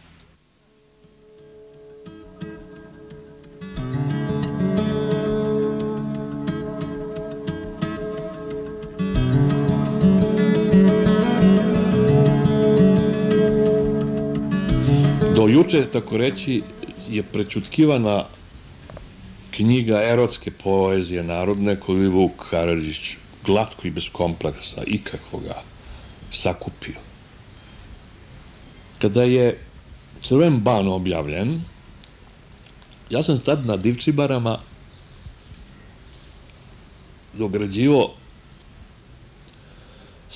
svoju izletničku kuću, a radili su seljaci iz Tometina polja, iz Sjubela i iz Kosjerića, s kojima sam ja bio i ostao vrlo blizak. To je svet e, britke, bistrine, divnog jezika i slobodnog ponašanja.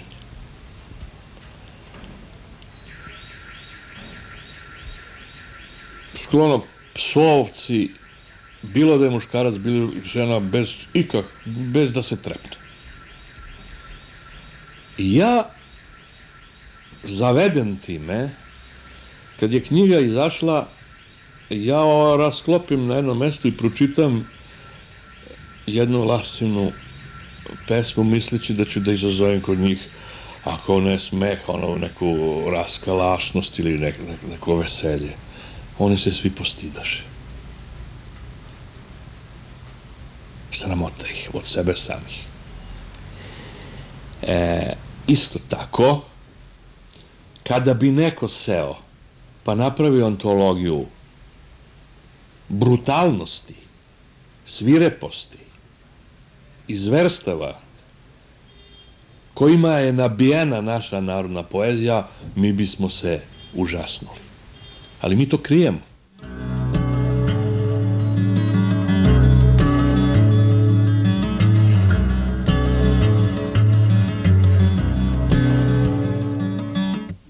Postoji velika tajna veza između Južne i Srednje Amerike ili ti između e, crnokožaca i nas. Na Andama kod Danikena ste mogli da vidite da se e, nalaze gore u planinskim masivima e, neke granitne velike kugle ja kažem uslovno granitne, to nije granit, to, to je neka masa tog tvrdog crnog kamena kome u velikom radijusu ne postoji koren, ne zna se odakle su te kugle, niti ko ih je napravio, ni kako da su se zatekle tamo.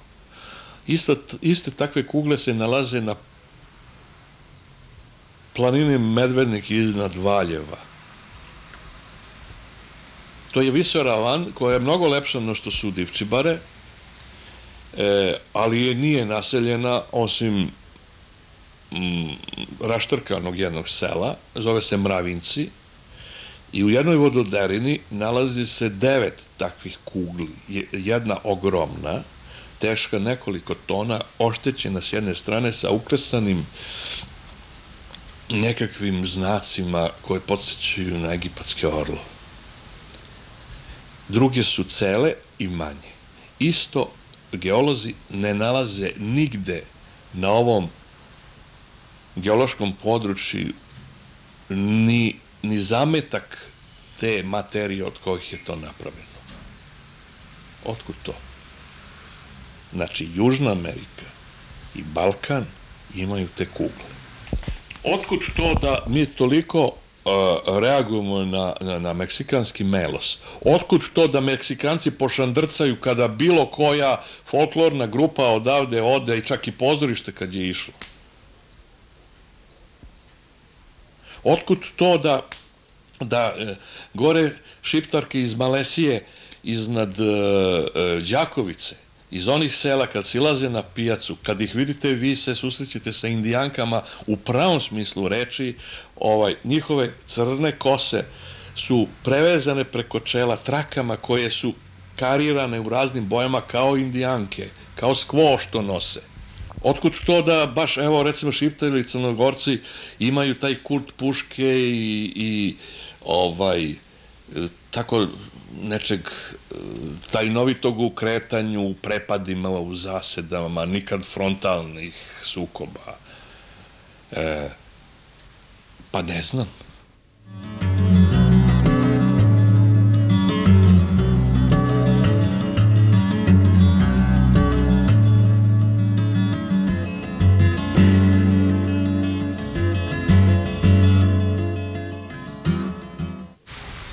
To je jedan od najstravičnijih doživljaja koje sam imao u životu. To liči na često puta ponavljam tu sliku na strunulu ribarsku barku punu ribih kosti. To je grad ko nije sravnjen sa zemljom, nego liči na gomilu keksa po kome su, je, su gazila kopita, pa je onako iz- izdrobljen. Nemate, e, nemate ni na jednom mestu, sem nasolja koje se zove Petrova gora iza Kasarne, e, zato što su u, je u, u Kasarni bila Jugoslovenska narodna armija i e, taj deo grada u kome su uglavnom živeli Srbi i žive i dan danas. I ono što ima stanovništva je iz tog dela grada je bio zaštićen od borbi, o, bolje rečeno on nije bombardovan. On nije granatiran. Ovaj deo oko reke Vuke u, u dole u, u dolini i prema Dunavu onaj centralni deo ovog baroknog ba- barokno jezgro je potpuno zdruzgano da je da vi nemate nigde ni jedan kvadratni decimetar, a da u njemu barem desetak rupa od gelera, od šrapnela ili od metaka nije zabijeno. Sve je izrešetano, polomljeno, nekako srgano. Vire e, dimnjaci, spali crepovi, probur, probušeni zidovi, e, nigde stakla, e, ponegde vidi se neko ko je se vratio, lepi ove providne folije, plastike, kartonima zatvoreno. Kad sam bio, to je bilo otprilike dva meseca, pošto je Vukovar pao, ili kako moj kolega Baletić lepo kaže kad je bio oslobođen do temelja e, prolaze su samo ljudi na biciklima kao da lebde žene odsutne nose od nekuda vodu, a od onih vuteksovih ćebadi su im iskrojeni kao neki jeleci. I seljaci sa traktorima i sa opljačkanom, opljačkanim nameštajem tutnji i odlaze negde. Registracije ni na jednom automobilu nema, ali inače bilo je 5-6 automobila koje smo tada videli. Na svakom ćošku sede zapušteni teritorijalci, bradati, pijani. U komandi mesta smo čuli da je potpuno bezvlašće, što sam i sada e, saznao da je potpuno ista situacija iz e, mojih prijatelja, filmskih radnika i glumaca koji su učestvovali u snimanju filma Bore Draškovića, koji je čitav film snimio u Vukovaru. Ja sam samo jedan dan bio. Da se neprestano puca, da se gine, da se svako jutro nađe po tri, četiri leša, ne zna su ni ko su, ni ko ih je ubio, ni zašto, da je milicija slaba, da ne drži nikakvu vlast u rukama, da vojska sa svojom vojnom policijom jedino uspeva da zaštiti sebe u kasarni, potpuno bezvlašće i ono što je najstrašnije, to, to je što su mentalna poremećenja užasna. Oni su svi preplavljeni, ti žitelji koji su preživeli sve to što su preživeli potpunim beznađem. I ostaju tamo. Da. I zanimljivi proces su mi u komandi grada oficiri nagoveštili, to jest da se vraćaju samo Hrvati, da se Srbi starosedaci koji su otišli ne vraćaju, nego na njihova mesta dolaze pridošlice iz Sombora i tako od nekuda sa nekim određenim planovima, da u tom mutnom trenutku svoja imanja, valjda, utrostruče, šta ja znam. I, I dan danas kažu, ne sme se maknuti dalje od ulica, ni u jednu porušenu kuću, i dalje je to minirano, nije razminirano, i dalje puno leševa, valjda već raspadnutih i tako dalje, kao što je bilo kad sam ja bio. I sad vidim iz nekih reportaža na televiziji da su one, one arkade u centru ovaj, počeli da malterišu i da ih boje, što ja ne znam, ja mislim da taj grad najbolje bi bilo da se opkoli ovaj, o jednom ogradom i da uh, bude izložbeni prostor. Međutim, ako on ostane srpski grad, oni će ga rekonstruisati namerno, onaj deo koji treba da se rekonstruiše, a ono okolo će se vada porušiti, ono ne može ništa. One e, male kuće, nizovi oni kuće potpuno srušeni, to će da se skloni, valjda će tu neka gigantska naselja da zidaju, a bojim se da, da ako grad i Hrvatima bude vraćen, da će se e, slično desiti, da oni neće imati snage da ga ne obnavljaju. A u stvari bi to trebalo da ostane kao jedan zastrašujući spomenik ovome trećem Balkanskom ratu ili ne znam kako da ga krstim. Ovom građanskom ratu našem.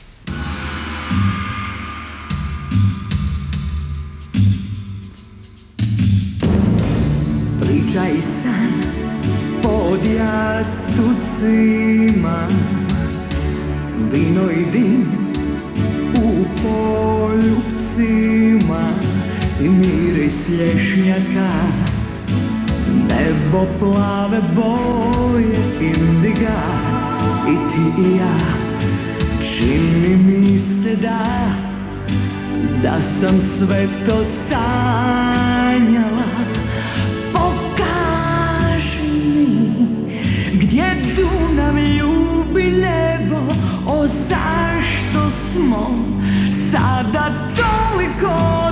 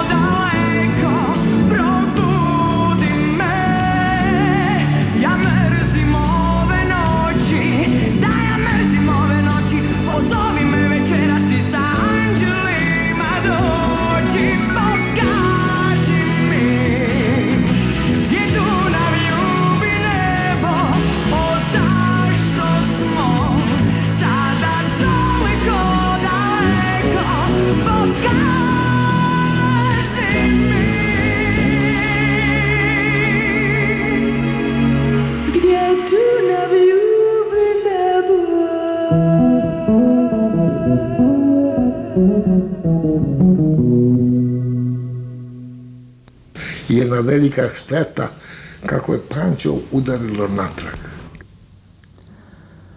12 minuta je i 9 sati, slušate emisiju Fantom Slobode, pričali smo naravno o Pančevu i evo jedne priče za kraj. U Pančevu je živjelo i mnogo Rusa, i belih i crvenih, i belogardejaca i crvenoarmejaca. Među njima je i jedan general Smirnov, on je bio komandant tvrđave Port Artur u rusko-japanskom ratu. Rusi su izgubili, kažu, zato što su vodili nepravedan rat. U Pančevu je živeo i prota Vasa Živković, njega smo već pominjali, napisao je pesmu koju ste čuli, deo nje, Rado ide Srbinu vojnike, onda Mirkina kuća.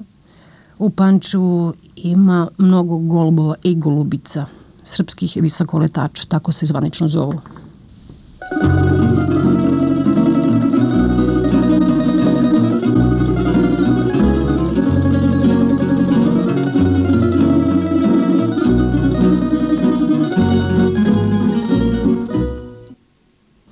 Pa valjda smo imali 10 godina kad smo počeli. Tako, Tako, ko deca. A onda tu se dođe do nekog goluba, pa onda više, više, pa... E, To je sport e, siromašnih u suštini. Golubovi su bili aktivni pre možda 20 godina su bili u ekspanziji veliko. A sad deca vole kompjutere, pa kad se pojaviš nek društvo, neko kaže ti si golubar, neko te gleda kao poslednju budalu, kao da si ludak, a ne, ne tako. Onda se to tako malte ne, kriješ se od ljudi kad to radiš, evo mi kad puštamo golubove, izbegamo da nas neko gleda, dobacuju, tako ljudi koji su neupućeni, šta znam. Ah, kad tebe ljubit ne sme, drugu ljubit neću ja. Mada krasom i divotom, ko danica zvezda sja. To se svi slažu da je e, ta visina na kojoj leti jako problematična i podleže svim mogućim tim strujanjima, problemima i veliki su gubici, a njegova osobina je srpski visokoletač. Pa ako bi mu smanjio visinu, onda ne bi bio srpski visokoletač. Jer takav je, kao takav postoji. Da, visoki dug let. da, visoki dug let. A sam